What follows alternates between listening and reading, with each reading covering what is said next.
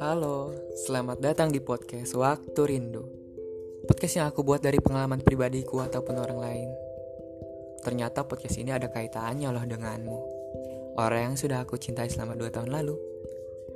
Tapi entah bagaimana ke depannya aku tidak tahu. Mungkin hanya semesta yang tahu. Tapi semoga semesta menyatukan kita ya. Suatu saat nanti.